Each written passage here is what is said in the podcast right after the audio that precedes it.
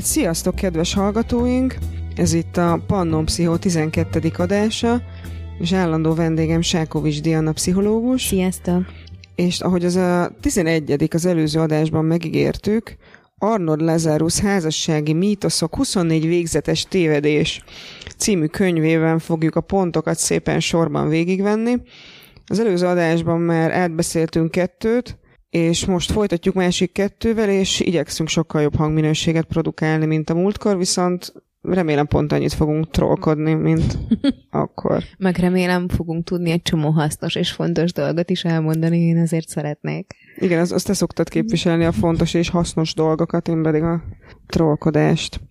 Na most ezt a két témát választottuk, az egyik az nekem, nekem nagy kedvencem, mivel a saját életemből rettenetesen sok példát tudok erre mondani, ez pedig a, az ellentétek vonzák és kiegészítik egymást. Én ebben egyébként azt gondolom, most párkapcsolatról beszélünk, mert azt el tudom képzelni, hogy például egy cégben két partner tök jól tud működni, hogyha mondjuk az egyik kitartó, a másik pedig szuper kreatív. Igen, ha közben elfogadják és elismerik egymásnak a dolgait, de igen. mindegy, igen. De az elfogadás az talán egy általános partneri kötelezettség, vagy nem is tudom. Tehát igen, anélkül nehezen, nehezen Anélkül semmiféle kapcsolat nem működik, még egy kutya gazda sem. Hát azt, azt egyébként én azt igaznak tartom, hogyha, hogy az ellentétek vonzák egymást. Tehát szerintem a vonzalommal nincsen baj. Tehát szerintem az nagyon-nagyon sokszor megtörténik, hogy a másik az annyira varázslatosan tök más, hogy ettől megőrülsz. Persze attól is meg tudsz őrülni, hogy a találkozol saját magaddal, egy ellenkező nemű kiadásban, az is nagyon izgató tud lenni. De szerintem annak van egy varázsa, hogy mit tudom én, te nagyon tempósan és nagyon pörgősen éled a dolgokat, és akkor találkozol akivel, aki meg valami ilyen csodálatosan kimért és, és átgondolt. Hogy ezt a vonzó részt, a vonzalom részét, azt, azt én nem tartom mítosznak. Pedig egyébként az van ezzel kapcsolatban, hogy a, a, a vonzalommal foglalkozó kutatások szerint a, van három dolog, a hasonlóság, az ismerősség és a közelség. Ez három olyan dolog, ami, ami általában a vonzalmat erősíti. Tehát, hogy vonzódunk, alapvetően vonzódunk az olyan emberekhez, akik, akik valamilyen szempontból hasonlítanak hozzánk, mert egyszerűen azokhoz, tudod, azok, azokkal tudod gyakorlatilag gyorsan megtalálni a hangot, meg azokkal tudsz ilyen közös, közös pontra jutni, aránylag gyorsan, és ettől, és ettől ez az, az érze, azt az érzetet tudja kelteni az emberben, hogy itt, hú, itt van, van valamit, hogy valamit találtunk rögtön egymásban. Tehát azt hiszem, hogy ha, aránylag hasonló emberek találkoznak, az gyorsabban tud mélyre menni egy ilyen kapcsolat. De mindegy, de hogy így az alapvető, az alapvető um, tehát hogy így a, a vonzalomnak a folyamatában, tehát ez a kezdeti vonzalomról beszélünk, ott azért a hasonlóság az így egy fontos, fontos faktor szokott lenni, de hogy teljesen, teljesen értem, amit mondasz, hogy, hogy ez egy nagyon izgalmas dolog, amikor az ember találkozik valakivel, aki, aki teljesen más, és akit így nem, nem értesz, és nincs meg, és, és kíváncsi vagy rá, és szívesen mennél, és felfedeznéd. Annyi új uh, van benne. És annyi, annyi új... ismeretlen, idegen uh, új dolog van benne, igen. Igen. És ez nagyon vonzó tud lenni. Ez nagyon vonzó tud lenni, meg, meg hogyha az ember ilyen romantikus illúziókba ringatja magát, akkor azt is gondolhatja erről, hogy, hogy és akkor majd milyen jó lesz, hogy azokat a, a dolgokat, amik mondjuk bennem nincsenek meg, vagy azokat a hiányosságokat, amiket én észlelek magamban, hogy azokat majd ő, majd ő szépen kip, kipótolja, és egyébként így meg is érkeztünk az előző adásnak egy, egy nagyon fontos részéhez, hogy hogy az összeolvadás, hogy közösen vagyunk egy egész, az igazából mennyire nem működik, de mindegy, ebben most így nem, nem akarnék belemenni, ezt hallgassátok meg, a, meg az előző adásunkat. Hát meg az sem működik, hogy majd, majd mit tudom én, én egy iszonyatosan rendetlen, nekem volt egy egyébként kifejezetten hosszú kapcsolatom, ahol én voltam a, a rendetlen rosszaság, a, a partnerem pedig a rendezett jóság, és egyébként ez milyen jól hangzik, nem, hogy én majd biztos rendezettebb leszek mellette, ő pedig majd egy sokkal sokkal kreatívabb úton indul el, nem? Nem? Nem, nem ez történt? Mi nem történt? így történt? Nem így történt. A dolog úgy történt, hogy véget ért a dolog, mert kinyírtuk egymást, hiszen, hiszen az a varázslat, ami az volt, hogy úristen, hát így micsoda rendet tart maga körül, és úristen, hogy mennyire lazán kezeli a dolgokat maga körül, az egy pár év után a, az agyamra megy, hogy ilyen rendetlen, és az agyamra megy ez az elcseszett merevség, de nyilván aztán közben az derült ki inkább, hogy mind a ketten kerestük magunkban ezt, és bennünk volt azért, csak hogy ezt nem a másikban kell megkeresni szerintem, ha vágysz a rendezetlenségre, vagy a, rendet, vagy a rendre, hanem akkor ezt tessék saját magadból kiszedni. A másik nem fogja belerakni, tehát nem változtathatjuk meg a másikat. Egyébként pont erről is beszéltünk az, el, az előző adásban. Igen. Hogy senkitől nem lehet azt elvárni, hogy azért, mert én rendetlen vagyok, majd engem megnevel, hát nem az anyám.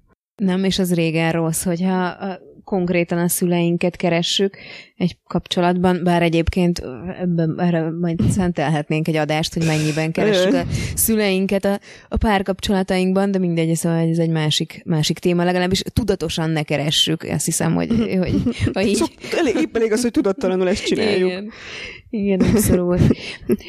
Nem, az, igen, az mondjuk egy ilyen érdekes, érdekes elgondolás, hogy hogyha mondjuk a, a két ember egy tulajdonság két végpontjáról indul, akkor majd a, az összecsiszolódás folyamatában egyszer csak majd így összeérnek. De valahogy azt hiszem, hogy inkább arról van szó, hogy ez, ez mind a két féltől olyan, olyan túlzott alkalmazkodást követel meg, amiben, amiben ő maga veszik el. És ez most nem arról van szó, hogy, hogy ne lennének mindannyiunknak olyan részek az életében, amikben fontos és jó fejlődnünk. Tehát, hogy ilyen szempontból azért lehet, hogy a, a volt pasid jó hatással tudott rád lenni, hogy azért egy kicsit lehet, hogy rendezettebb lettél. Hát én azóta e, nagyon rendezett lettem, de nem a volt pasi miatt. Tehát, hogy is mondjam, nem a kapcsolatban lettem rendezett. Szerintem kapcsolatban nagyon-nagyon nehéz változni. Tehát, hogy nem azért, nyilván a, ez a típusú vágy vezetett ahhoz a kapcsolathoz, hogy azóta ez megtörtént, de nem érte, hanem értem. Uh-huh ezt szerintem nagyon-nagyon nehezen tudom elképzelni, hogy valakiért majd nagyon-nagyon megváltozunk, és most tényleg ilyen nagyon-nagyon alapvető dolgokra gondolok, mint hogy vagy, vagy borzalmasan rendetlen vagy, vagy borzalmasan rendezett, azért ez nagyon két végpontja egy tök fontos skálának. Hát igen, de hogy így nem is, nem is a valakiért, hanem egyszerűen, egyszerűen az, hogyha nagyon sokáig együtt vagy valakivel, és látsz bizonyos dolgokat, meg bizonyos mintákat, hogy egyszerűen tanulsz, tehát, hogy így, így simán lehet ebben egy ilyen... Megtanulhatsz egy ilyen... főzni például, például, tehát az megtörténhet. Meg... Igen. Igen, de az, hogy ahogy főzöl, az, az lesz valószínűleg ott, ott majd megnyilvánul a te rendezettséged, vagy, vagy rendetlenséged. Igen. Szerintem megtanulni főzni, tehát megtanulni ilyen típusú technikai dolgokat, az nem egy személyiségváltozás. Nem, az nem. Mert hogy valaki, mint összejössz valaki, valaki borzasztóan szereti a, nem tudom, a gulyáslevest, te pedig nem tudsz gulyáslevest főzni, vagy utálsz gulyáslevest főzni, szerintem azért ez nem egy olyan kompromisszum, amit ne lehetne megkötni. Igen, ez nem, nem igényel olyan óriási személyiségváltozást. Nem, de nem is, nem, nem is erre gondolok. Pont, hiszem, pont, pont, egy gulyást azért tudjatok már megfőzni a másikért, na, haló. Szerintem nem egy nagy dolog. Mondjuk könnyen beszélek, mert tudok gulyást főzni. De például nagyon-nagyon nehezemre esik valaki kedvéért kicsi, kicsire vágni a húst a pörköltbe. Szerintem nagyra kell. Mondjuk azt hiszem, hogy ezek sem olyan, olyan jellegű áthidalhatatlan pro- problémák, amiket meg ilyet. tudnának Csináltam folytani meg. egy kapcsolatot. De hát, hogy így, így azt mondom, hogy nem, nem, nem ezen múlik, mondjuk, hogy nagyon sok ilyen van a kapcsolatban, akkor, akkor, az azért, akkor az azért nehéz. Nem, alapvetően... Képzeld a... amikor minden reggel ki kell szárítanod a rántottát, és aztán utána apróra vágni a gulyáshoz a húst, az már nagyon durva lesz egy idő után.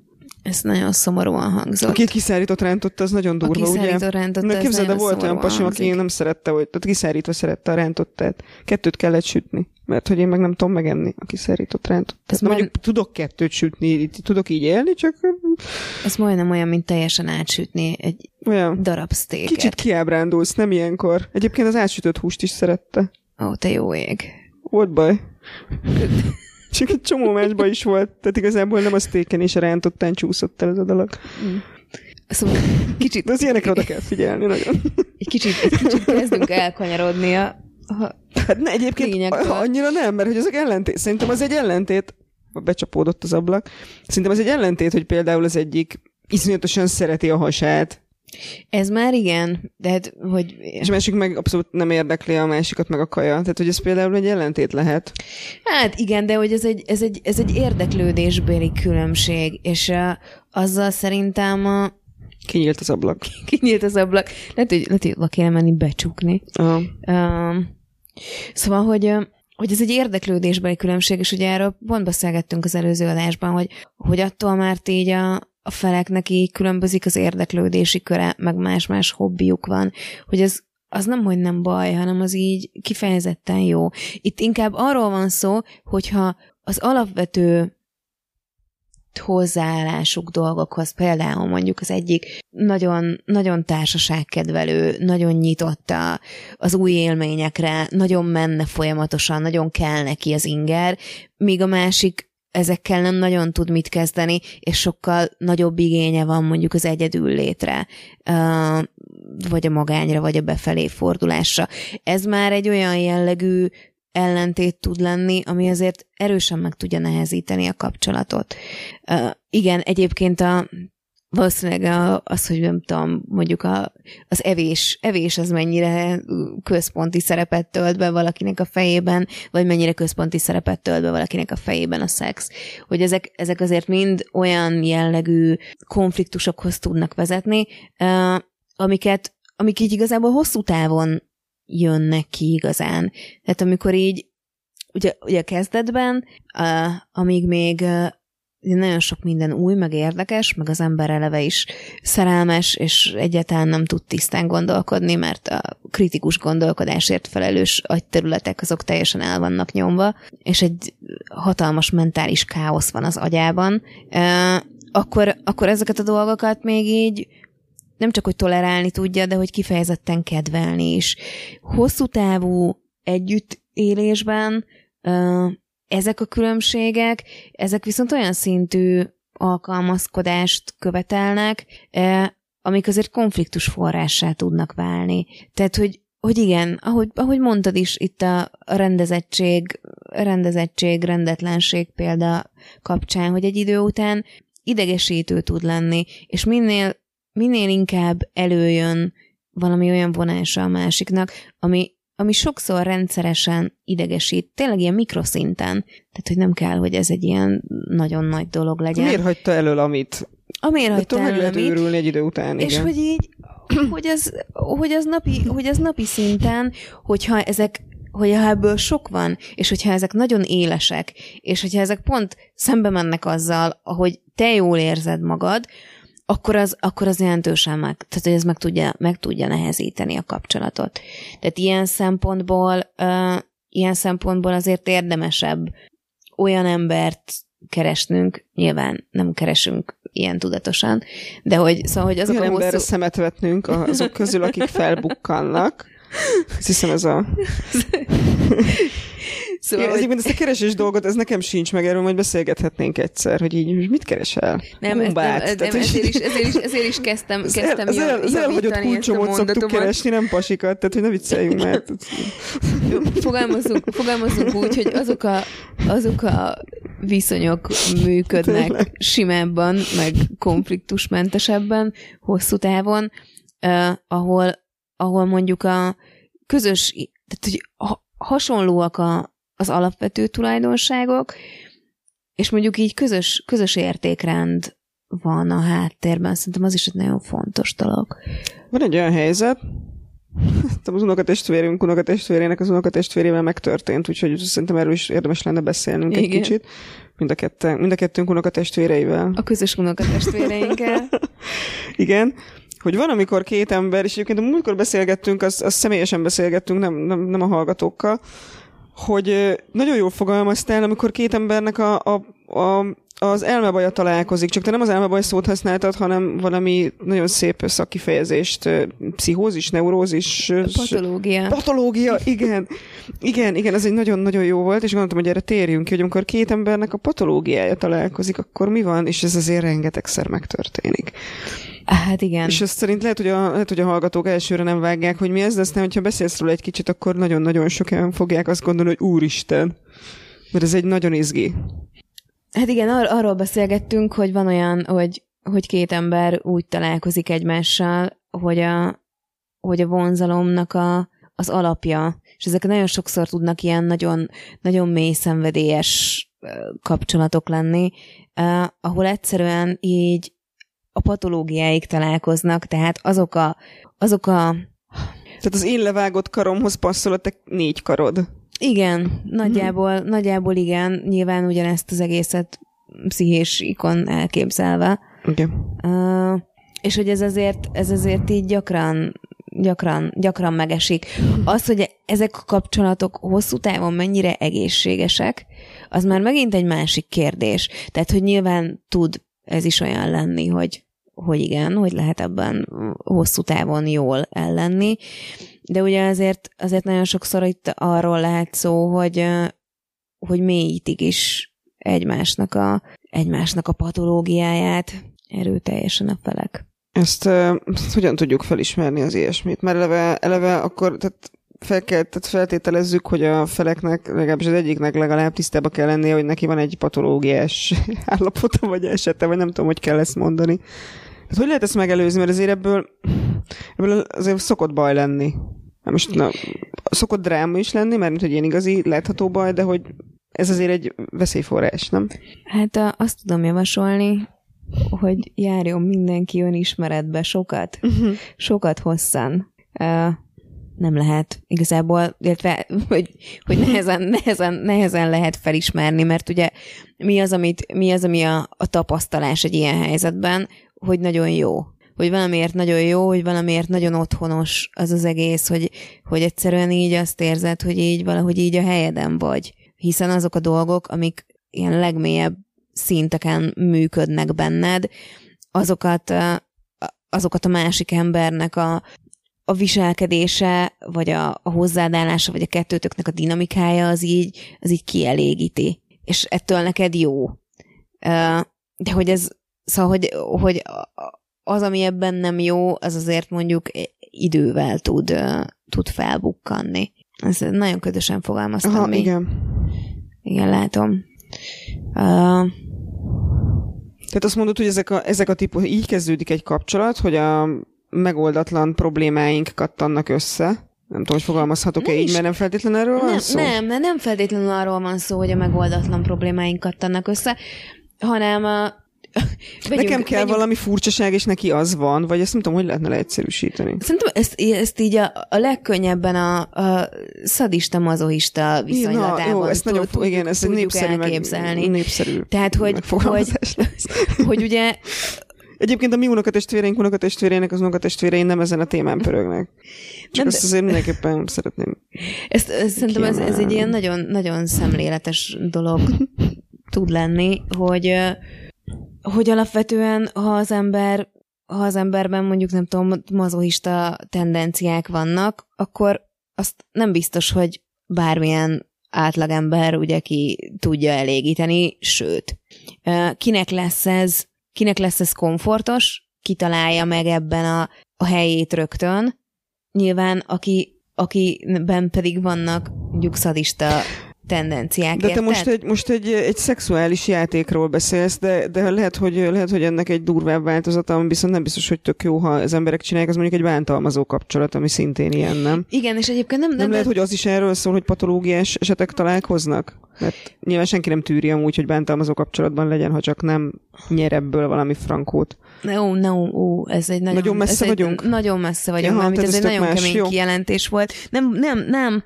Tehát, hogy nem vagyunk, nem vagyunk nagyon messze, uh, hanem, hanem csak ez a, ez a mondat, amit, amit kimondtál, hogy ez, ez sokkal, de sokkal bonyolultabb. Ja, biztos, csak hogy arra gondolok, uh, hogy nyilván ez egy tök, boly- nem, nem, nem semmiképpen sem akartam elbagatelizálni, vagy minősíteni a bántalmazó kapcsolatban a szenvedő felet, meg senkit fél, félreértés ne legyen, hanem arra gondolok, hogy tehát nyilván ott is valami hasonló félrement dolgok kattannak össze, nem? Igen, egyébként, tehát hogy abszolút ott is, ott is tud lenni egy ilyen, ilyen dinamika, és egyébként... És az te... nem egy jó dolog, tehát arra gondolok, hogy mert arra utaltál, hogy a patológiás esetek találkozhatnak úgy, hogy boldogan éltek, amíg meg nem haltak, de közben nem feltétlenül mindig. Hát igen, mert mondjuk, hogyha pont a Lazarus ír le egy olyan esetet, ami, hogy, hogy vannak olyan ismerősei, egy házaspár, mind a kettő nagyon súlyosan kényszeres, és, és tisztaságmániások. Jaj, tényleg, tényleg, igen, igen, ez nagy, ezt mondtad is a múltkor. És hogy nagyon boldogan, uh-huh. boldogan megvannak, megvannak együtt azzal, hogy közösen takarítanak, és csillog-villog a ház, és ugye nyilvánvaló, hogy egyik sem fog, nem tudom, sáros cipővel uh, belépni a lakásba. Tehát, hogy, hogy, hogy ilyen szempontból biztosítanak egymásnak egy, egy ilyen, egyfajta nyugalmat. Nyilván ettől még nekik az a patológiájuk, uh-huh. ami ott van. Uh, és hogy kérdés az, hogy ezzel lehet-e, vagy kell-e bármit is kezdeni, Aha. de minden esetre ők ketten együtt ebben a világban nagyon jól tudnak működni. Ahogy egyébként, hogyha a szexuális szempontból nézzük, és mondjuk egyébként rendesen megtartják a határokat, ugye a szadista meg a mazoista is tud tök jó, boldog, harmonikus párkapcsolatban együtt lenni. Hogyha ezt a szadizmus, mazoizmus dolgot, ezt így kiemeljük így a, a szexualitás köréből, és átvisszük egy kicsit oda, amiről te beszéltél, hogy, hogy az egyik, hogy az egyik folyamatosan bántja a másikat, nem, fel, nem is feltétlenül mm, fizikailag, tehát hogy nem is testi szintű bántalmazásról kell, hogy szó legyen, de mondjuk... Hát a hülye vagy édesfiam típusú De mondjuk sztorik. a, a, a verbálisan, mm. a, a folyamatos kritizálás, a folyamatos megvetés, a másiknak a, a másiknak a megalázása, hogy és hogy a másik, a másik pedig ebben nyilván szenved, mert hogy egyébként ebben, ebben nyilván szenved, de hogy van olyan, hogy, hogy az ember azt érzi legbelül, hogy, hogy ez ilyen. Mert vonzódik a, ehhez a vonzódik, helyzethez. Vonzódik Igen. ehhez a helyzethez, mert ezt ismeri, mert ezt tanulta meg, mert ezt a mintát látta, és aztán belekerül megint egy ilyenbe, ahol, ahol a, a szenvedés ellenére a, az nincs meg benne, hogy, hogy ez így nagyon, nagyon nem jó. Mert, mert, mert nem ismer mást. Aha. Tehát azt lehet, hogy tehát hogyha megtörténik ez a az amikor az embernek a patológi, amikor patológiás esetek találkoznak, akkor tulajdonképpen, hogyha ők harmonikusan boldogan vannak együtt, akkor ezt nem is kell megpiszkálni, és hogyha valaki rettenetesen boldogtalan, akkor talán érdemes foglalkozni vele? Mindig, mindig az van, hogy mindig azzal érdemes foglalkozni, ahol, ahol szenvedés van. Uh-huh. Ahol te, hogyha te nem érzed jól magadat a, a bőrödben, egy párkapcsolatban, a saját életedben, a, nem tudom, a munkádban, a szexualitásban, a, a tök mindegy miben, de az van, hogy te elkezdesz szenvedni, elkezdesz, elkezded rosszul érezni magadat, azzal érdemes foglalkozni alapvetően. Nyilván vannak olyan helyzetek, de azt hiszem, hogy ezekről is már beszélgettünk, hogy például egy, egy, egy személyiségzavar esetében előfordulhat az, hogy hogy maga a, az illető az nem szenved, hanem csak az környezete szenved tőle. Tehát, hogy ez is egy fontos jelzés tud lenni.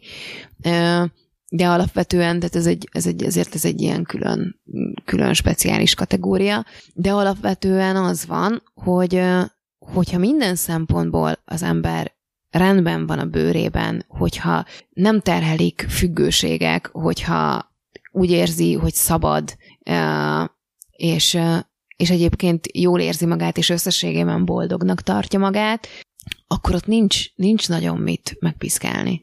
Uh-huh. Tehát akkor nincsen probléma igazából ezzel sem. Hm? Azt hiszem, igen. Na, ez tök jó. Hát akkor szerintem, szerintem a témában elmondtuk azt a lényeget. Nem tudom, hogy így a mester mit gondol erről, ezt még megkeressük a, megkeressük a könyvben, erről az ellentétek vonzása. A végén mindig van egy mondat, ami egész frappás. És eddig így nagyjából annak tűnt diakeresés, próbálok addig én mondani valamit, mert az ablakot még esetleg becsukhatnám. Nem tudjuk azt, hogy hanyadik ez a, ez a kérdés a könyvben. Egyébként azt, azt, én azt a vonzalmat, nekem ez onnan volt meg tök régről, hogy én viszonylag rendetlen voltam, és mindig annyira tetszett, amikor valakinél, valakinél rend van. Tehát, hogy az annyira elbűvölő volt igazából, hogy így bementem, és úristen, hogy így micsoda, micsoda tisztaság van, és sokszor még az ilyen mániásan takarító haveroknál is azt éreztem, hogy te jó, nálad milyen tisztaság van.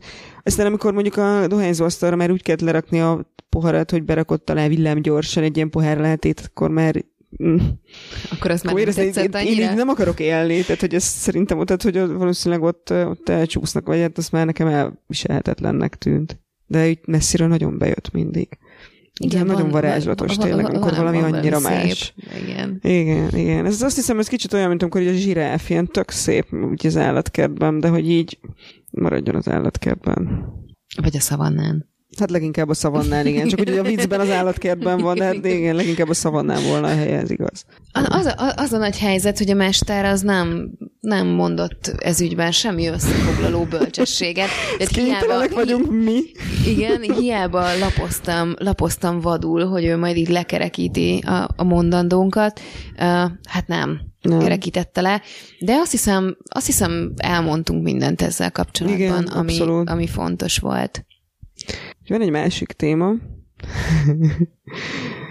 ami szintén nagyon hálás. Ó, és egyébként össze is függ ezzel némiképp. Ugyanis megtörténik az, amikor az ellentétek annyira vonzák egymást, hogy hárman lesznek, Vagy még többen. vagy még többen, és aztán amikor már tök sokan vannak, akkor rájönnek, hogy ezt az ellentétet most már rohadtul nem lehet elviselni, és soha többet, soha többet nem akarom azt, hogy amikor leteszem a kávémat a dohányzó asztalra, akkor te az, el, te az alá betoljál egy pohár ellentétet. Mert sokszor, sokszor már ilyen gyilkossági gondolatok is felmerülnek az emberbe, ezek addig el tudnak fajulni az ilyen apróságok. És akkor ott áll az ember, ott, ott, áll egy ilyen kibékíthetetlen ellentét, és ott vannak a gyerekek, és akkor eh, nagyon sokan azt gondolják, hogy jobb egy ilyen eh, egyébként tényleg működtethetetlen és javíthatatlanná vált kapcsolatban elpusztítani mindenkit, mint hogy felbontani ezt a családot, és eset külön utakon élni tovább. Akár új, akár új családokat létrehozva külön-külön, vagy, vagy most ezt ne bonyolítsuk, hanem egyszerűen elválni. Tehát, hogy az a mítosz, hogy inkább inkább küzdjünk meg ezzel a csonka családdal, vagy inkább küzdjünk meg ebben a kapcsolatban egymással, vagy a helyzettel, mint hogy elváljunk.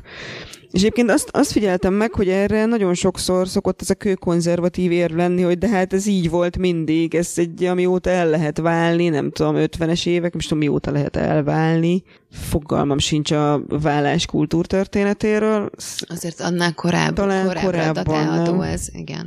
de hogy, is mondjam, több ideig nem válhattak el az emberek, mint amilyen, Ez amióta biztos, elválhatnak. Tehát ö, még annyira, tehát viszonylag új keletű ez a lehetőség. És akkor mindig ezzel érvelnek, hogy de, de hát ez mindig így volt, és akkor tessék inkább megjavítani a dolgokat, és tessék inkább, inkább megküzdeni, és inkább dolgozni, meg, meg elviselni, meg ki, ki, milyen, ki mit javasol. Mondjuk erre a, erre a, a konzervatív érvről elmondta azt a, a Popper Péter, hogy azért azt ne felejtsük el, hogy egyrészt régebben az átlag életkor az sokkal alacsonyabb volt, tehát egyszerűen nem voltak ennyit együtt az emberek. Kevesebbet Mi- kellett elviselni a pohárra kellett. eltétes dolgokat. Pontosan, meg ráadásul sokkal nagyobb volt a halandóság. Tehát nagyon sok nő ugye meghalhatott a szülésben, a férfiak meghalhattak a háborúban. Nagyon sokszor az volt, tehát betegségek sokkal könnyebben elvitték az embert. Tehát hogy simán lehetett az, hogy az ő egyébként is rövidebb élettartamában azért még nősült újra, tudom, kétszer-háromszor, vagy ment férhez még. Szóval, hogy, hogy azért nem, nem volt ez ennyire éles, hogy, hogy és akkor az emberek, nem tudom, összeházasodtak 22 évesen, és 80 éves korukig együtt éltek, hogy, hogy azért ez, ez, nem egy, ez nem egy tipikus példa a múltunkból sem. Csak hoztam a klasszikus érvet. igen, igen, Tehát igen, igen, de tudom, csak igen, hogy ez- igen, és ez- ez gyönyörű, hogy ezt ide- elmondtad erre, mert ennyi, persze, hát pontosan így van, hogy nem kellett 60 évig másikkal lenni, mert hogy nem éltünk 80 évig. Igen. Viszonylag ritkán legalábbis. Igen. Erre viszont van, erre az egész problémakörre, hogy vajon, vajon a, a, a boldogtalan családban, vagy a csonka családban jobb élni. Erre van a van Lazarus mesternek egy, egy nagyon egy nagyon tökéletes mondata, hogy azt írja, hogy amikor két szülő a gyerekek miatt van együtt, éppen a gyerekeket felejtik ki a számításból. Arra utalok ezzel, hogy éppen az ő érzelmi szükségleteik lesznek elhanyagolva. Egy olyan otthon, amelyből hiányzik az egymás iránti odaadás, az érdekközösség, a színlelés és a képmutatás csimborasszója. És hogy ebben Mondjuk a csimboraszó szót, az, a az csimborasszó az kemény volt, de ez Igen, az- köszönjük, köszönjük a fordítónak. Uh, úristen, jó, hát na, még már-már nagyon régóta nem szerkeztek tartalmakat, de emlékszem, hogy a csimbora szónál akkor mindig jöttek a faszkorbács subjectű, tárgyú e-mailek. Tehát, hogy ez, ez, ez, Jézusom. És mi a helyzet a gorcsővel? Oh. Ú, ennél azért jobb szerzőim voltak mindig. De a csimboraszó, az egyébként emlékszem, hogy egyszer valaki becsúsztatta a, a csimboraszót. Szerintem az Irig Árpi volt. Szia Árpi. Hello Árpi. Most bocs, hogy rátkentem, de hogy lehet, hogy nem te voltál, de hogy valamiért most így jutott eszembe, de, de emlékszem, hogy megláttam ezt a csimboraszót egyszer valami tartalomban, és így... Igen. Lehet, hogy akkor fogalmazódott meg bennem először, hogy takarodni kell bármi, bármi, bárhonnan, ahol az emberek leírják a dolgokat, amiket ki kell javítanom. Én mindenki, mindenki merül el néha a dagályban. Igen, igen. Ez, ez mindenkivel előfordul, főleg akkor, hogyha nagyot akarunk alkotni. Igen, akkor, Ak- nagyot akarunk akkor, alkotni, akkor jönnek a közhelyek, akkor úgy jönnek, gondolod? Ak- akkor jönnek a közhelyek, és akkor jönnek ezek a, ezek a, a megmagyarázhatatlan kifejezések. Teljesen kikészültem most a csimbora szószótól, elnézést kérek mindenkitől. Jó, akkor amíg ma- magad... Összetörtem darabokra. Azt hiszem, hogy az IKEA-ban vásárlásnál egy dologgal lehet jobban kiborítani, és ez az iszonyatos közhelyek használata. Úristen. Csinálunk egyszer egy olyan adást, amikor Oravec Nóra idézeteket olvasunk fel? Csak a közhelyekről jutott eszembe. És akkor mindegyiket átszerkesztjük? Hogy te hogyan mondanád? Te, te hogyan, te hogyan, te hogyan fogalmaznád meg ezt a gondolatot? Hú, egyébként tényleg ez nem is rossz ötlet, egy ilyen, nem is tudom, hogy Oravec Nóra reloaded. Hmm. Ezt játszhatnánk, Edited. játszhatnánk bizonyos dalszövegekkel is. Mm. Hát, hogy abba is, abba, is, abba is lennének azért kihívások. Az van, hogy én, én azért, amikor másfél éve elhagytam, a, elhagytam azt a sajtómunkásság dolgot, akkor azért abban vastagon benne volt, hogy én ezt nem akarom csinálni. Am, amiről most beszélünk, hogy csináljuk. De hogy egy kis nosztalgiázás a szemét múltba. Régen minden jobb okay. volt. Régen minden jobb volt. Pú, nem, nem akarom tényleg. Nem. De, de, de szörnyű, szörnyű dolog mások hülyeségeit szerkeszteni. Ezt egyszer olvastam valahol, hogy új Péter dühöngött ezen egy ilyen fél oldalon keresztül, és és évekkel később értettem meg, hogy, hogy az értettem, évekkel később értettem meg a fájdalmát, miről beszél ott. Tényleg szörnyű. Hmm. Na mindegy, térjünk vissza. Térjünk. térjünk vissza az egyébként tényleg hasonlóan fájdalmas csonka családos sztorira, illetve a nem csonka család, mert egyébként amúgy a csonka család történetet is lehet szarul csinálni. Mindent lehet szarul csinálni, és nyilván mindent lehet jól Tehát itt most nem arról beszélünk, hogy egyébként váljatok el, mert tök jó lesz, annyira jó elválni, mert nem igaz. De miért nem jó együtt maradni, ha szar az helyzet? Inkább beszéljünk arról. Hát ugye alapvetően az van, hogyha a két ember között folyamatos feszültség van, ugye mi történik egy olyan helyzetben, mi történik egy boldogtalan házasságban.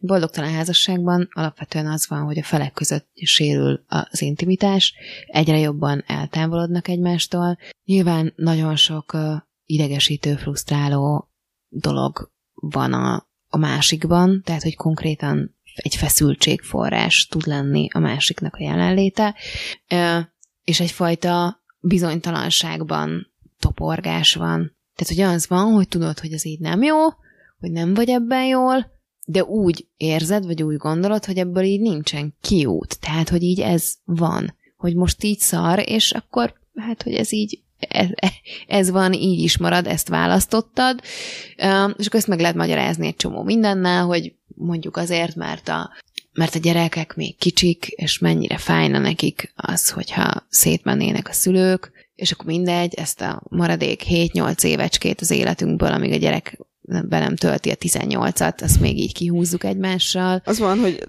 én, én tudok ilyet.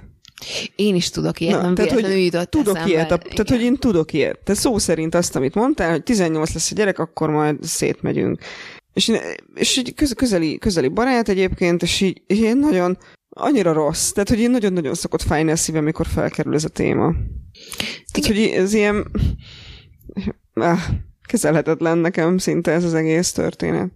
Meg a gyerekek ráadásul szerintem nem hülyék, tehát hogy el lehet játszani otthon, hogy apa, anya szereti egymást, és egyébként meg mind a kettőnek van már egy külön élete, de aztán ezeknek a gyerekeknek utána évekig kell majd terápiára járni, mert nem értik, hogy miért viselkednek furcsán a párkapcsolataikban. Ezt lehet, hogy érdemes lenne figyelembe venni, amikor ilyet csinál valaki.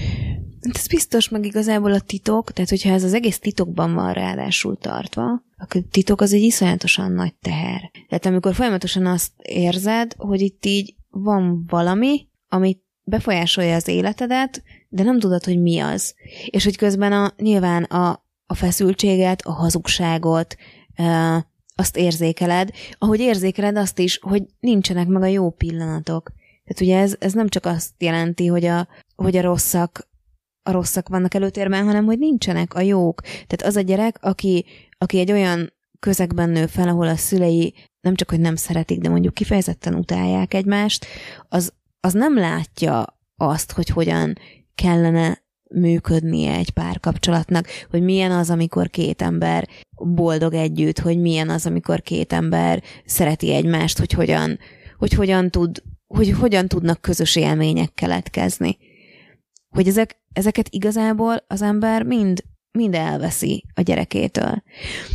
És igen, hogy minden gyerek számára az egy nagyon nehéz dolog, és egy nagyon megterhelő dolog, hogyha a szüleik külön válnak.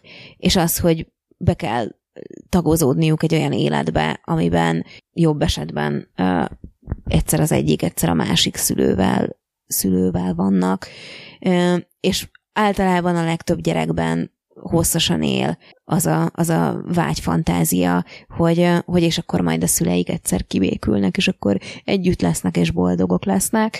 De közben, közben ezzel, ha ez mégis megtörténik, akkor egy, egy csomó egy csomó feszültségtől szabadulnak meg mindenki. Tehát, hogy mind a, mind a szülők, mind a gyerek a mindennapi, a mindennapi feszültségtől, és lesznek olyan lehetőségeik, hogy esetleg jobban vagy boldogabban éljenek. A gyerekek láthatnak olyan mintákat, amiket aztán esetleg utána majd így tudnak követni, meg amikre így tudnak vágyni, hogyha mondjuk valamelyik szülőnek lesz egy boldog és jól működő párkapcsolata utána. De hogy ami azt hiszem, hogy még ezeknél is fontosabb, az az, hogy nincs többet hazugság. Mert hogy az, hogy hazugságban élsz a, a hozzád legközelebb álló emberekkel, az, az, egy, az egy iszonyatosan nyomasztó dolog. És ugye mit hoz az, hogyha ha hazugságban élsz, az, hogy, hogy bezárkózol, az, hogy bezárkózol, hogy befelé fordulsz, hogy nem fogod tudni kifejezni az érzéseidet nyíltan, sem a negatívakat, sem a pozitívakat, és ez pedig a, a lelki egészségünknek semmilyen szempontból nem tesz jót, sem annak nem tesz jót, hogy később, ké, később, vagy akár akkor jól tudjunk alkalmazkodni a, az életben felbukkanó bármilyen helyzethez vagy problémához. Tehát, hogy szerintem, szerintem ezek nagyon fontos dolgok, és a másik az, hogy, hogy én azt gondolom, hogy egy gyereknek azt látni, hogy a szülő a szülő stabil, és boldog, és a helyén van, vagy ha nem is boldog, de legalább így a stabil, és a helyén van, az, az iszonyatosan nagy erőt ad, és azt tartja őt biztonságban mert a, az instabil szülő mellett, a feszült légkörben ott nincs biztonság. És hogy ahhoz, hogy az ember fel tudjon nőni egészségesen, és hogy egy jó gyerekkora legyen, ahhoz szükség van a, a biztonságos családi háttérre. Hogyha ezeket így nem kapjuk meg, hát azt így nagyon sok szinten szívjuk meg később az életben. Én... Tehát igazából én azt, azt gondolom, és ez megint ilyen nem túl távoli példán gondolom, hogy így a, gyerek szívja meg ezt. Mindenkinek szar, mert ilyenkor lesznek a szülők, mit tudom, betegek, meg mindenki szenved, tehát mindenkinek lesz mindenféle baja. Tehát szerintem ez mindenkire káros, de a gyereknek hosszú távon biztos, hogy tehát azt a melót, amit itt a szülők nem csinálnak, meg azt, azt tökre a gyereknek kell majd később elvégezni. Ebben, ebben biztos, hogy van igazság. Én, én mondjuk tényleg azt gondolom, hogy hogy így a, igen, hogy a szülők szenvedése sem elhanyagolható ebben ja, az persze, egész hogy dologban. nem, csak hogy, tehát, hogy tehát, de a gyereké az szinte garantált. Igen. És nem, nem arra gondolok, hogy mazóviban verekedős lesz Pistike, hanem 30 évesen nem érti Pistike, hogy mi a fasz baj van vele. Igen. És akkor kezdheti az ak- izé, akna munkát, tök jó. Azért, mert a szülők azt hitték, hogy nem szabad elválni, vagy féltek, vagy mit tudom én. Igen, mondjuk Mondjuk ez azt is jelenti, tehát hogy eddig, eddig inkább arról beszélgettünk, hogy, hogy miért érdemes meghozni ezt a döntést, hogy, hogy külön, külön váljanak a szülők, a boldogtalanok. Az is van, és mondjuk ebben, a, ebben igazuk van a, a, a konzervatív a konzervatívoknak, hogy, hogy, hogy nagyon sokszor könnyebb megoldásnak tűnik, még mindig könnyebb megoldásnak tűnik elválni, mint szembenézni a problémáinkkal, szembenézni az adott helyzetben a saját felelősségünkkel, és megpróbálni azzal kezdeni valamit. Én azt gondolom, hogy amíg, amíg meg lehet menteni egy családot, tehát amíg képesek abban az emberek, főleg a szülők, ugye dolgozni azon, hogy, hogy ez így jól működjön, hogyha képesek egymással kommunikálni, ha képesek arra, hogy, hogy nyitottak tudjanak lenni, hogyha motiváltak, hogyha tudják egymást tisztelni ebben a dologban, akkor, akkor abszolút az az út, hogy, hogy, hogy ezeket, a, ezeket a családokat meg kell próbálni megmenteni. Hát a szembenézést azt, azt, azt gondolom, hogy nem lehet megúszni. Tehát, hogyha ott van egy, egy család, ami tönkrement, és ott van vállaltunk gyereket, lehet, hogy a házasság, mit tudom én, tehát hogy nyilván van egy kapcsolat, ami azért valameddig már eljutott, és ez a dolog kezd összeomlani. Akkor szerintem, szerintem aki úgy gondolja, hogy ez mindenféle szembenézés és, és szemvetés és munkanélkül megúszza, mert most tényleg akár legyen vállás a vége, de ez az rohadt nagyot téved. Nem lehet úgy tovább menni, hogy jó van, akkor volt ez a kapcsolatom, meg a gyerekem, aztán szarok bele, megyek bele a következőbe, mert hogy onnantól kezdett, hogy ez szembenézés ez mindenképpen kell, hogy legyen, nem? Kellene. Tehát ez megúszhatatlan. Fogalmazunk úgy, hogy kellene. Kellene. Ja, persze nyilván itt a többség, többség megy tovább, mint a bizé borjú az új kapunak, azt hiszem ezt a kifejezést szoktuk használni, és ezt, ezt, ezt, ez az, amit kiszerkesztenék, hogyha valaki leírná, leírná egy cikkbe. Persze, nyilván a többség egyáltalán nem, nem dolgozza fel ezeket, meg nem csinálja végig a melót, de... Hát meg nem fogadja el nagyon sokszor, hát nem is hát, a többség, is de, volt. Hogy, de hogy sok ember igen ja. nem fogadja el ebben az egészben a saját, a saját ja. felelősségét, tehát hogy nagyon könnyű, nagyon könnyű a másikra kenni azt, mm. hogyha mondjuk nem működött egy, egy kapcsolat. Én ezt látom, de egyébként minden esetben még csak olyat láttam, és amikor nem működött, de amikor működött is, hogy így ketten ketten csinálják. És még akkor is, hogyha azt gondolj, kívül azt gondoljuk, hú, mert hát amit tudom én, a Pisti az izé megdugja a félvárost. Aha, és akkor találkoztatok, nem? Tehát, hogy, tehát, hogy mindig ketten játszanak, szerintem. És ez, ez, ez dolog majd, hogy nem itt kezdődik, hogy így ezt el kell ismerni, hogy igen, én is elcsesztem, itt és itt csesztem el, következő körben nem biztos, hogy el kéne cseszni. De igazából ez a nyitja annak is, szerintem, ha már így erről beszélgetünk, hogy hogy lehet normálisan elválni. Én pont, úgy... ezt, pont ezt akartam egyébként, hogy oké, okay, menthetetlen a dolog, mondjuk én azt, azt nem is tudom, hogy meg tudjuk-e határozni, hogy mikor mondjuk ki azt, hogy figyelj, ez reménytelen, azt, azt hiszem, hogy ezt reménytelen meghatározni eleve, nem? Hát ezt alapvetően reménytelen meghatározni. Van, van egy-két olyan dolog, ami, ami szerintem egy nagyon fontos jelzés, amiknek egy részéről már beszélgettünk. Tehát ha van kapcsolatban bántalmazás van, hogyha ha rendszeres a, a kritika, a megvetés. Igen, ezt mindenképp tegyük hozzá, hogy a, tehát állandóan szekálod a másikat, hogy tehát a bántalmazás az nem a pofon. Az, az is, az is az bántalmazás. Is, az, az is a bántalmazás csak nem ott fajtája. kezdődik. Nem, a bántalmazásnak hmm. nagyon sok fajtája van, tehát hogy, hogy a, a verbális, a verbális hmm. bántalmazástól kezdve igazából az is egy az is egyfajta bántalmazás, hogyha az ember bevágja a durcit három napig, és azzal kínozza a másikat, hogy, hogy nem hajlandó mondjuk megbeszélni a problémákat. Tehát ez is, ez, ez is a semmi, tehát a semmi, az a szó, hogy semmi, az a egy semmi. bántalmazás, igen. E, nyilván Úristen, itt vannak, ez itt... a semmit, a semmitől nekem az nagyon, az nagyon súlyos. Ezt egyébként azt látom, hogy inkább nők használják Ezt a semmit. Nők, nők csinálják. Nem tudom, és egyébként alapvetően ezt is Én azért... nagyon nem szeretek így nőkre, férfiakra beosztani szinte semmit, de a semmi, az, semmit. de a semmi, nem gondolom, hogy így nagyon volnának női férfi oldalai az életnek, mert mint hogy így ilyen gondolati dolgokban, de hogy tényleg a semmit, ezt én, én még nem hallottam férfitól. Mi bajod van semmi? Ez ilyet még nem volt. Az, hogy hülye vagy. Tehát minimum egy ilyet mond egy férfi. De hogy,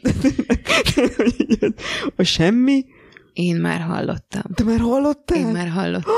Igen. Nem, oh. nem volt jó. Ne, ne, úristen, megőrülnék. Igen. Nehéz, nehéz ezzel mit kezdeni. Uh, igazából... A munkatárstól már hallottam. Munkatárstól, nőtől. Semmi. Hát akkor jó. Akkor ezt hónap kilencre kösz. kell beszélgetnünk. Főleg ne hülye vagy, de igen, most semmi, az nagyon, az bán, igen, az bántalmazás abszolút, én is így érzem. És nyilván az van, hogy ez nagyon fontos kiemelni, hogy azért így a, a bántalmazásnak ugye különböző fokai, meg uh, szintjei, szintjei vannak. Uh, ezt egy, ugye eleve... Gondolkozom, hogy ki mondhatta ezt a semmit, de azt hiszem kitaláltam lehet. Ezt majd megbeszéljük adás után. Uh, egy kicsit kibillentettél. Arra úgy. Pillanatra. Bocsánat. Szóval, hogy ezt csak azért emeltem ki egyáltalán. De nincsen ezt bajod, a dolgot. ugye? Tényleg, elnézést, én nagyon szerettem volna elmondani, tök fontos lett volna, de hogy az Anna egész egyszerűen nem hagyja. Semmi. Az történik, hogy nem tudom, beszélünk háromnegyed órája, és neki állt trollkodni. Tehát nagyjából ilyen háromnegyed óra, igen, óra az, szegény, amit, amit elbír tro- trollkodás nélkül. Ennyit bír, ez van vele. Szeretnéd meghallgatni, amit mondani Persze, akartam, tökre vagy majd írjam meg, és majd elolvassák. Most mentalmazol. Jó, hogy hagyom. Hagyom. Hogy vannak, vannak témák, amiket ne vicceljünk el. Ennyi. De mindegyiket elvicceltük eddig. Szerintem még a gyászba is röhögtünk. Hát igen. Na. Ez igaz. Jó, mindegy. Hmm. Szóval csak azt akartam mondani, hogy a, a bántalmazással kapcsolatban nagyon, nagyon sokszor uh, gondoljuk azt, hogy ezt így férfiak csinálják. Tehát, hogy a férfiak a a bántalmazók. És ezt a, a semmi kérdést, ezt pont azért hoztam, hogy, hogy azért nagyon sok, sokfajta módja és szintje van a, a bántalmazásnak, és a nők is pontosan ugyanúgy képesek erre, és ugyanúgy gyakorolják és csinálják, mint a férfiak.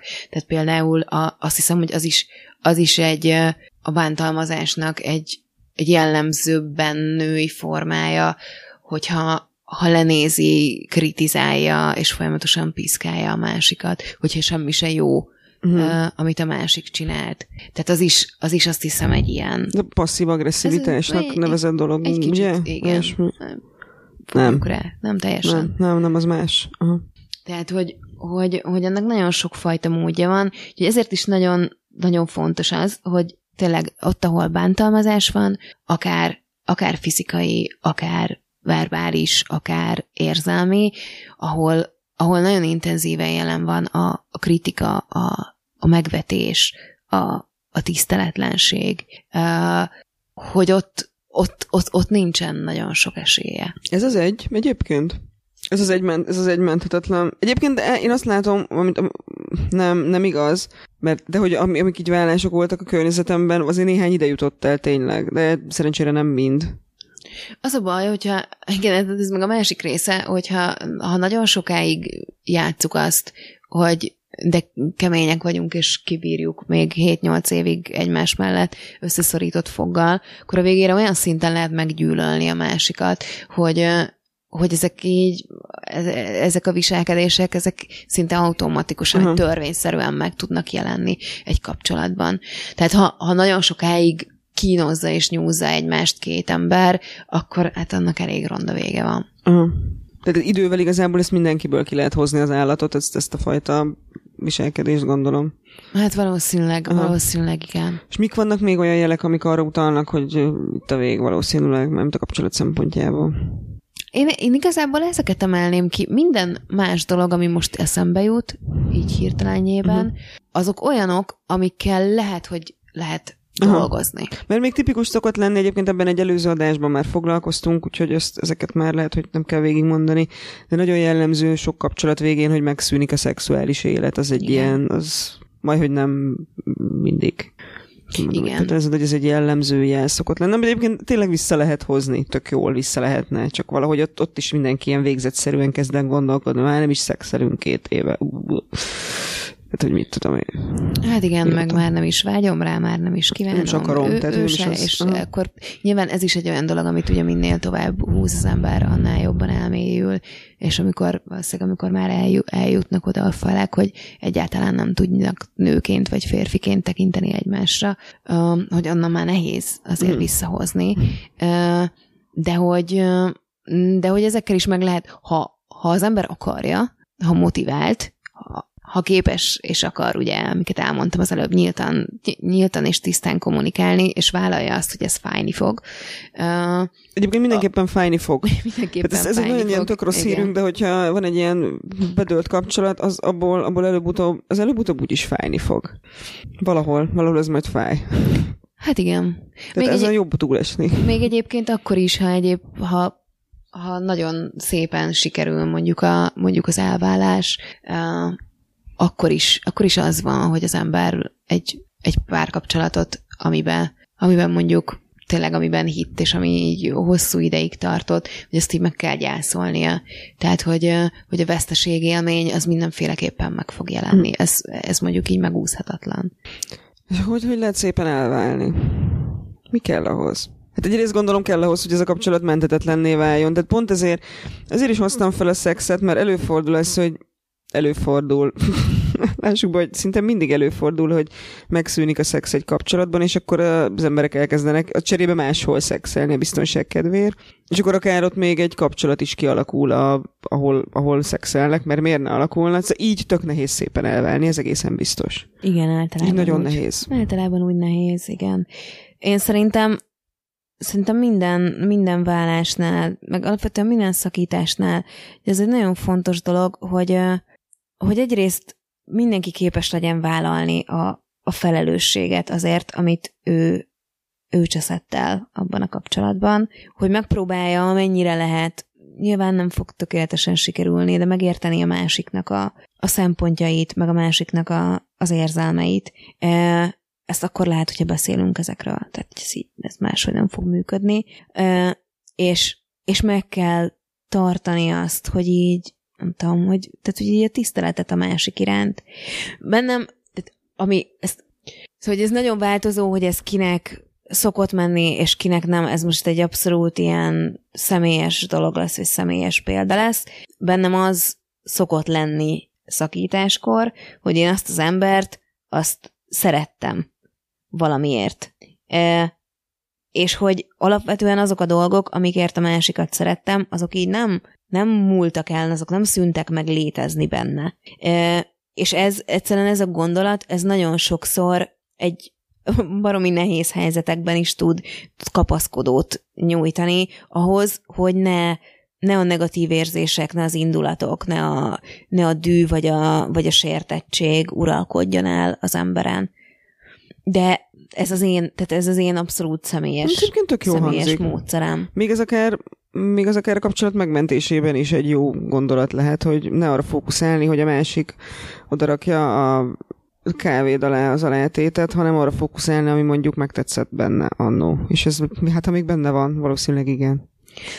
A párterápiás, párterápiás foglalkozásokon azért ezt így elő szokták hozni, hogy így, hogy így mi volt az, ami, ami ami vonzó volt egymásban, uh-huh. Hogy milyen volt így a kezdetekben együtt, hogy milyen volt, milyen volt így szerelmesnek lenni. Ez, ez nem azt jelenti, hogy ugyanazt az érzést mondjuk vissza lehet hozni, de azt jelenti, hogy, hogy ugye akkor, amikor, amikor valami rossz, akkor hajlamosak vagyok mindig csak a rossz dolgokat meglátni. És a, a jókat, amik egyébként meg ott vannak ott vannak mellette, azokat meg inkább figyelmen kívül hagyjuk. Szóval így működik az agyunk. Tehát az az állapot, amiben vagyunk, azokra, azokra az érzésekre, meg azokra a dolgokra fókuszálunk inkább. És hogyha így behozzuk a fókuszba a másik oldalt is, a pozitív dolgokat is, akkor azért így csökkennek az indulatok, és egy, és egy kicsit ki tud egyenlítődni ez a dolog. Hm. Hát de gondolom ehhez, hogy ez megtörténjen, mind a két fél részéről kell motiváció, meg akarás. Mindenféleképpen. Tehát, Tehát az kevés, hogyha a Gizi szeretné rendbe rakni a dolgokat, és Pisti nem. Vagy bezárkózik annyira, hogy egyáltalán nem hajlandó. Hát igen, meg ahogy ez is kevés, ha csak Pisti hajlandó felelősséget vállalni, és Gizi nem. Tehát, hogy igen. Mert Gizi szerint Pisti hülye. I- igen, és kész. Mert, hogy ezek a tipikus sztorik, tehát, hogy igazából sajnos az, amiről beszélünk, az így annyira, annyira jól hangzik, de hogy így olyan kevés ilyet láttam. Mert láttam ilyet egyébként, de, de hogy de ketten láttunk már ilyet de hogy de ez ritka. Hát ez nagyon ritka. Inkább olyat látunk, hogy így kinyírják egymást, és gyűlölik, és Igen. Nem... De ez egyébként ez azért hülyeség, mert mint hogyha csinálhatjátok szerintem, hogy megölitek egymást, ha nincs gyerek, mert akkor tényleg öljetek meg egymást, aztán mindenki megy a maga útjára, baráti társaságok azok megoldják valahogy, hogy majd csak a Gizit, vagy csak a Pistit hívják, vagy leginkább egyébként szerintem egyiket sem, mert nyilván mindenki meghűlt. Tehát, hogy így akkor nincsen ezzel probléma, szerintem. Nyilván ezt ezt tovább lehet vinni következő kapcsolatokban, de hogyha van gyerek, egyszerűen muszáj. Tehát, hogy ez nem lehet, hogy egy gyereket ebben a háborúban nevelni tovább, tök hülyeség. Tehát, hogy muszáj előbb-utóbb meglépni ezt a, hogy konszolidálni ezt a dolgot, ezt a kapcsolatot. Hát igen, Én egy ilyen állóháborúban nőttem fel, ezért kardoskodok ennyire mellett, hogy így ne csináljátok, mert hogy így nem, nem jó pofa. Igen, így az ember lelép 18 évesen otthonról tényleg, de aztán nem, addig nem annyira jó, egy ilyen feszültségben tolni. Nem, nem kell ezt csinálni valakivel. Hát nem, az a baj, hogy ezt így nagyon, nagyon kevés ember látja át akkor, amikor így ben van ebben a helyzetben. Meg ráadásul ugye kezdődik nagyon sokszor az, hogy, hogy azt gondolod, hogy a másik viselkedése bántja a gyereket, hogy ő kezdi el felhasználni a gyereket mondjuk akár egy vitában, akár bárhogy, és akkor így egyszer csak így a gyerek, nem tudom, tehát hogy így oda, oda kerül az egésznek a középpontjában, és elvileg még az is lehet, hogy mindenki névleg őt védi ebben az egészben, miközben ugye ezzel, ezzel sértjük meg nagyon. Nem, sajnos ezt nagyon, nagyon büszke, nagyon hiú módon azt hiszem nem lehet csinálni. Amit engedni kell, és uh, még azt, azt akartam kérdezni, de én sejtem, mit fogsz válaszolni. Amikor kialakul egy ilyen rettenetesen befeszült helyzet, akkor gondolom érdemes szakember segítségét kérni. Tehát ez egy ilyen elég nagy segítség lehet, nem? Igen, igen, abszolút. Mindig és, ide jutunk ki egyébként. És nem feltétlenül, nem feltétlenül pszichológusnak a segítségét. Egy, egy mediátor is nagyon, nagyon jól tudhat működni ilyen helyzetekben. Tehát ahol ilyen, ahol már annyira feszült a helyzet, hogy egyszerűen nem tudnak kommunikálni, egymással, a felek ott, ott, ott, ott, ott egy, nagyon, egy mediátor is nagyon jól nagyon jól működtet. Lehetőleg akkor, ha egyébként pszichológusi végzettsége is van. Hm, hát nyilván ügyesen kell mediátort is választani, gondolom, mint egy pszichológust. Hát akkor, hogyha egy ilyen helyzetben vagytok, vagy esetleg a környezetetekben van ilyen helyzet, amire mondjuk viszonylag nagy összeget mernék tenni, hogy minden hallgató környezetében van legalább egy ilyen helyzet, ha csak nem, ha nem még ráadásul ő maga van ilyenben, akkor azért tehát ne a menekülést és a befeszülést választátok megoldásnak, mert tényleg mindenkinek rossz. Tehát biztos, hogy nem lesz meg- megoldás úgy, hogyha nem álltok oda és próbáltok meg erről kommunikálni, akár külső segítség bevonásával. Ez egy csodálatos végszó volt. Köszönöm szépen. Nem volt benne semmi olyan, amit ki kellett volna szerkeszteni. Nem használtam olyan szép kifejezéseket. El tudod most ezt az egészet mondani úgy, hogy legyen benne a gorcső is? A fehér sportot kéne belerakni valahogy.